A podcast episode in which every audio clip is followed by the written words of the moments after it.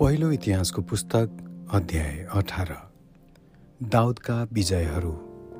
केही बेरपछि दाउदले पलिस्थीहरूलाई जितेर परास्त गरे र उनीहरूबाट गात र त्यसका वरिपरिका गाउँहरू लिए।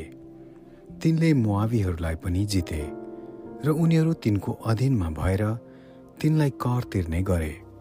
युफ्रेटिस नदीको किनारमा आफ्नो अधिकार कायम राख्न जाँदा दाउदले सोबाका राजा हद्देजेरलासँग हमातसम्म लडाइँ गरे। उनीबाट दाउदले एक हजार रथ सात हजार सारथीहरू र बिस हजार पैदल सिपाहीहरू कैद गरे। तिनले एक सय घोडा बाहेक अरू सबै रथका घोडाहरूका खुट्टाका नसा काटिदिए।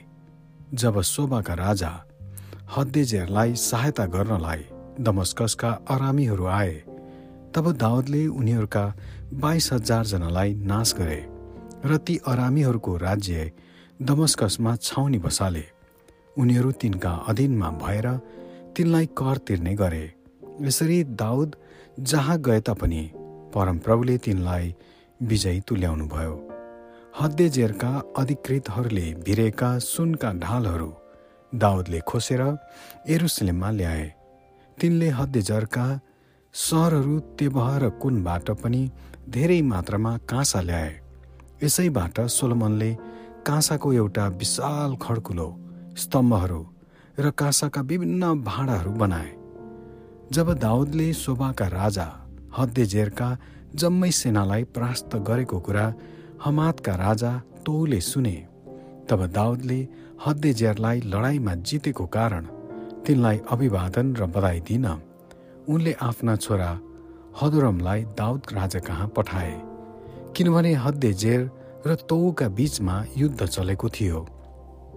हदुरमले आफूसँग सुन चाँदी र काँसका सबै किसिमका भाँडाहरू ल्याए। दाउद राजाले यी भाँडाहरू परमप्रभुमा समर्पण गरे।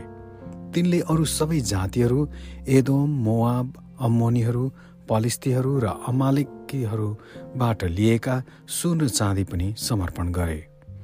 एदोम चाहिँ सरुयाका छोरा अभिषयले प्रास्त गरे।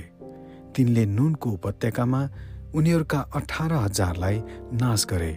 उनीहरूको देशमा छाउनी बसाले सबै एदोमीहरू अब दाउदका अधीनमा भए।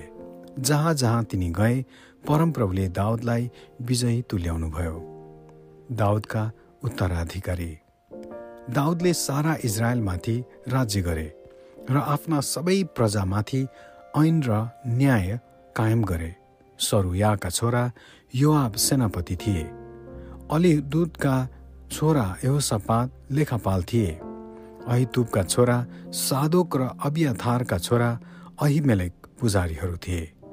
सबसा सचिव थिए। एहो यादाका छोरा बनाया करेती र पलेथीहरूका जिम्मेवाल थिए।